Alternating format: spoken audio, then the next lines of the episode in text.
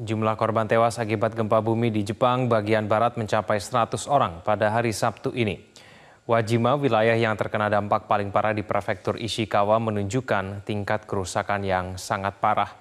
Beberapa korban selamat yang bertahan hidup selama berhari-hari berhasil dievakuasi dari runtuhan rumah mereka.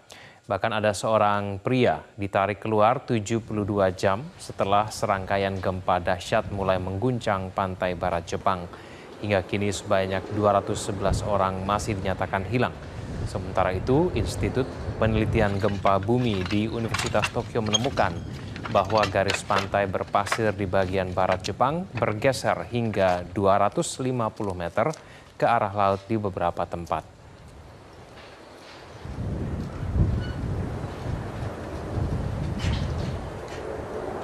Jelajahi cara baru mendapatkan informasi. Download Metro TV Extend sekarang.